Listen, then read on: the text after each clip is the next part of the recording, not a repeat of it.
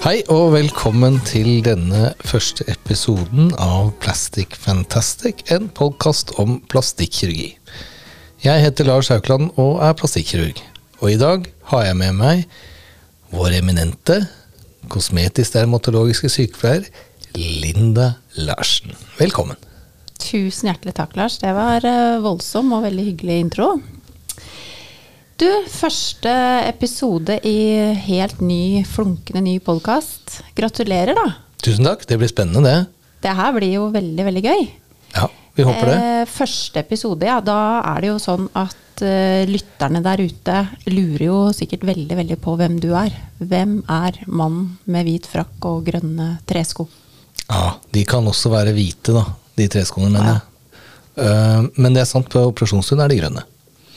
Jo, han er en, eh, en eh, norsk eh, plastikkirurg som har levd sitt liv i kirurgien i, helt siden han var ferdig utdannet lege, og trives veldig godt med det.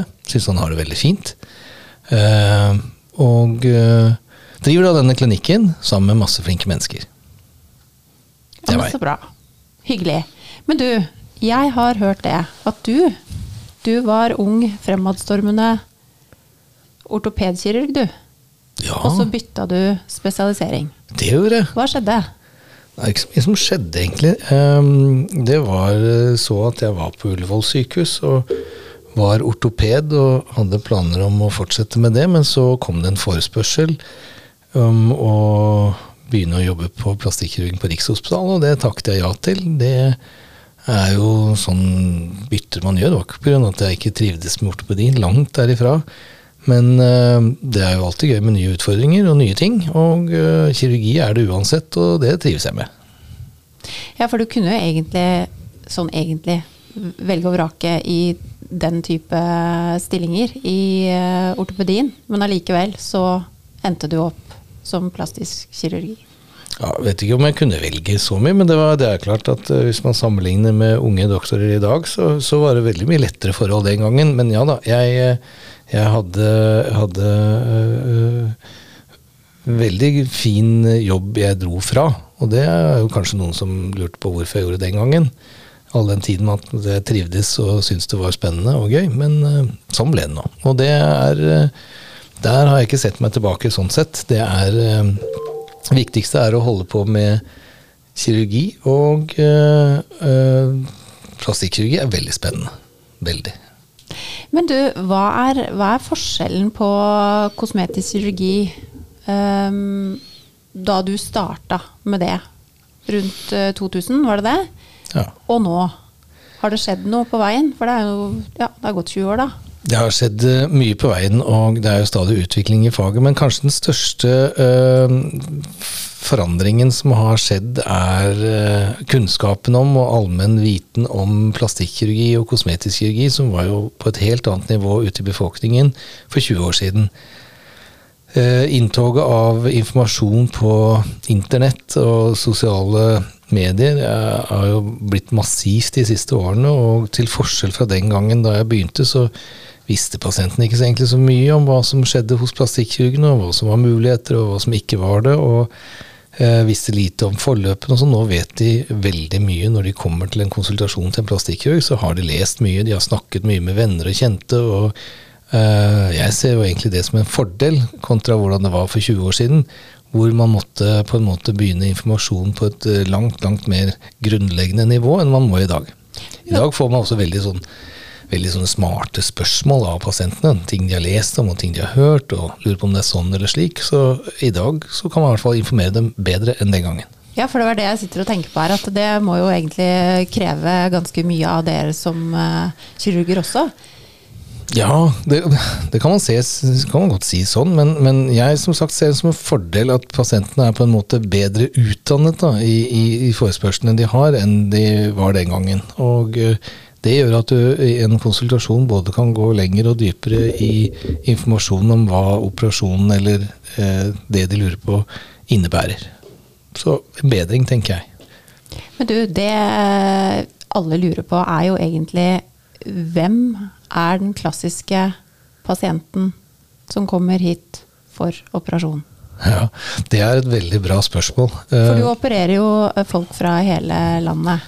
Ja da, og eh, det er også eh, Altså, pasientene, eh, i motsetning av hva man av og til kan få inntrykk av når man leser i eh, forskjellige medier eller hører på TV og radio, og for all del eh, alt mulig, så virker det som om eh, plastisk kirurgi dreier seg om kjempestore pupper og enda større lepper, eller omvendt, hvor det er veldig langt fra sannheten.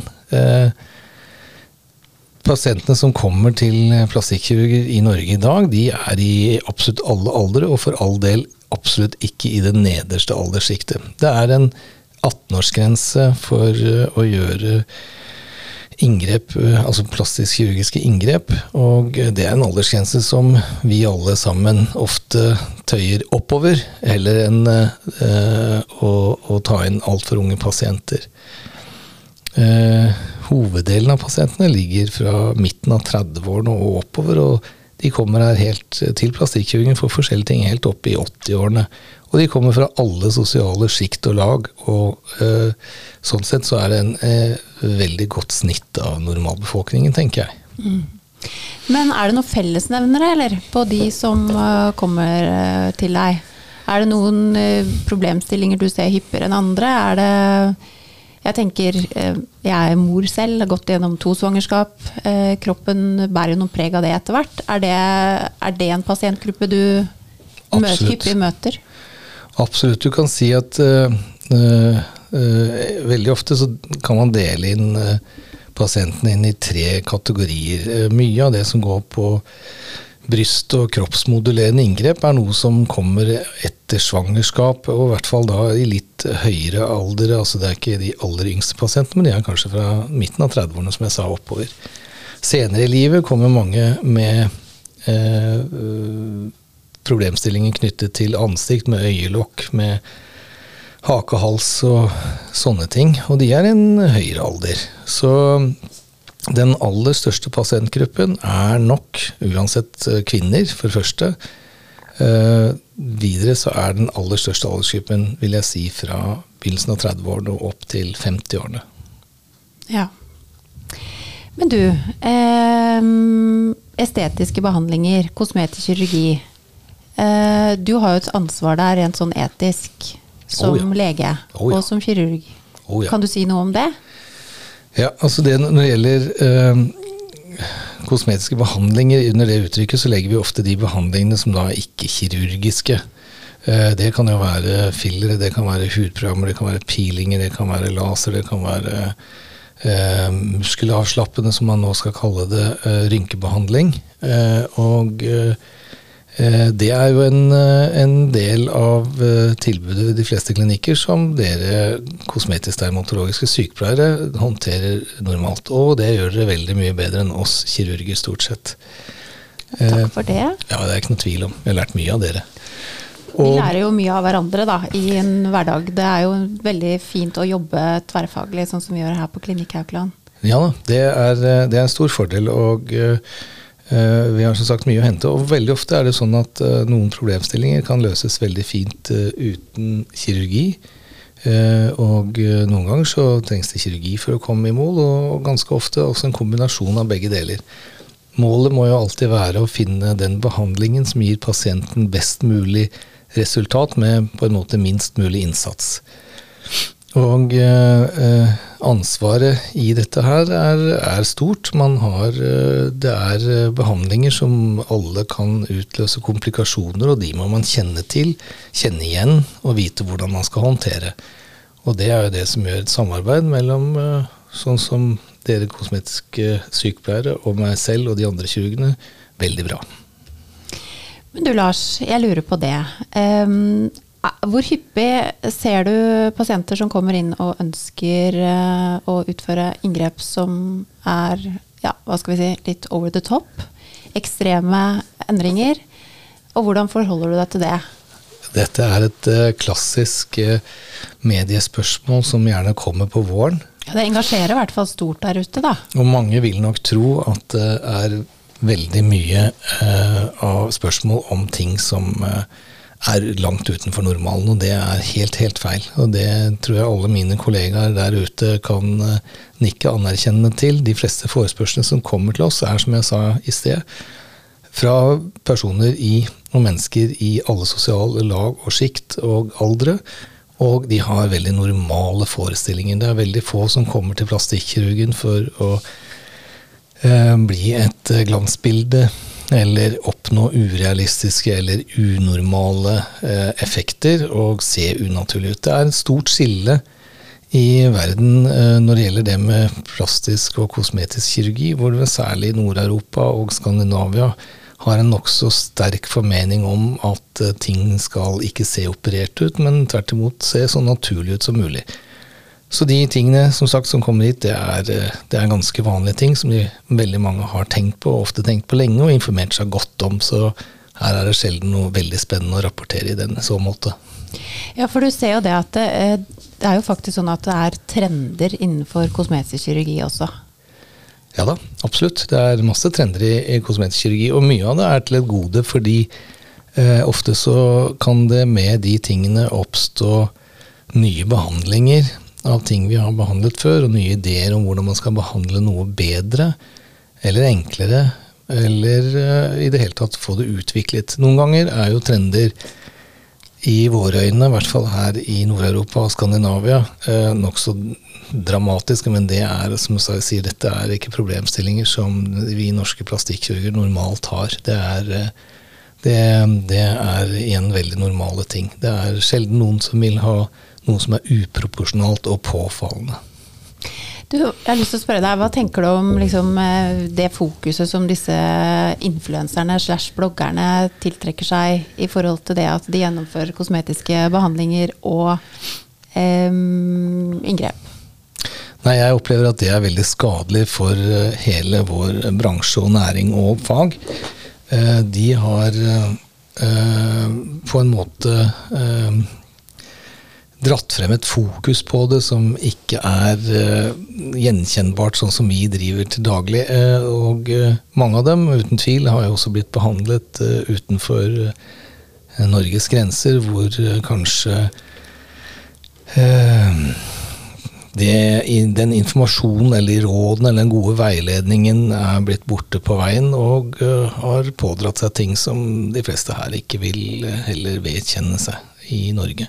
Så jeg tror um, fokuset er kanskje ikke bare å si at blogger og influensere eh, alene gjør dette, men det er klart det er et samspill mellom eh, dem og eh, media. Og der vil man gjerne ha store overskrifter og mange klikk. Og det gjør at eh, de helt eh, spesielle tingene blir veldig overfokusert. Dette er jo en stor og viktig diskusjon som vi har lyst til å si mer om eh, i løpet av podkasten. Ehm, jeg tenker ja. at eh, det her er eh, temaer som berører og engasjerer vi har, mye plan, der ute. Ja, vi har jo en plan om å ta opp dette her litt i senere podkaster òg. Vi har jo lyst til å invitere med oss folk som har større motforestillinger til det vi har, og om det vi driver med og som har andre innfallsvinkler og innspill, og det er vi alltid lydhøre for. Vi eh, skal ikke drive noe eh, kampanje for plastikkirurgi, men vi føler jo at det er veldig mye unyansert som når ut til det, og en oppfatning i samfunnet om at vi driver med noe helt annet enn det vi egentlig gjør. Vi kjenner oss jo veldig ofte ikke igjen i de beskrivelsene som kommer. Det kan bli en spennende høst og vinter, eh, Lars Haukland. Dette skal bli bra. Det, det, blir bra. Ehm, det er jo sånn at vi eh, vil jo veldig gjerne ha innspill fra lytterne våre. Absolutt. Eh, har dere ideer, tips ehm, eller meninger om både podkast og forslag til gjester og temaer som ønskes at vi tar opp? Så er det veldig fint om dere kan sende oss en melding på Facebook eller sende oss en mail. Ja, Enten en melding på Facebook eller Instagram. Og eh, vi vil gjerne høre om, som sagt, hva, som Linda sier her, hva, hva, dere kan tenke dere at vi skal ta opp i denne podkasten, og uh, også hvem dere kan tenke at vi kunne prøve å invitere. Så håper vi at det blir en, eh, en arena for litt sånn uh, uformell uh, prat og uh, uh, diskusjon rundt disse temaene, som vi er så opptatt av. Og ingen spørsmål er dumme. Nei, ingen spørsmål er dumme. Aldri. Så bra. Da tenker jeg at vi runder av, jeg, og så sier vi Takk for denne gang, takk for oss. og så ses vi i neste.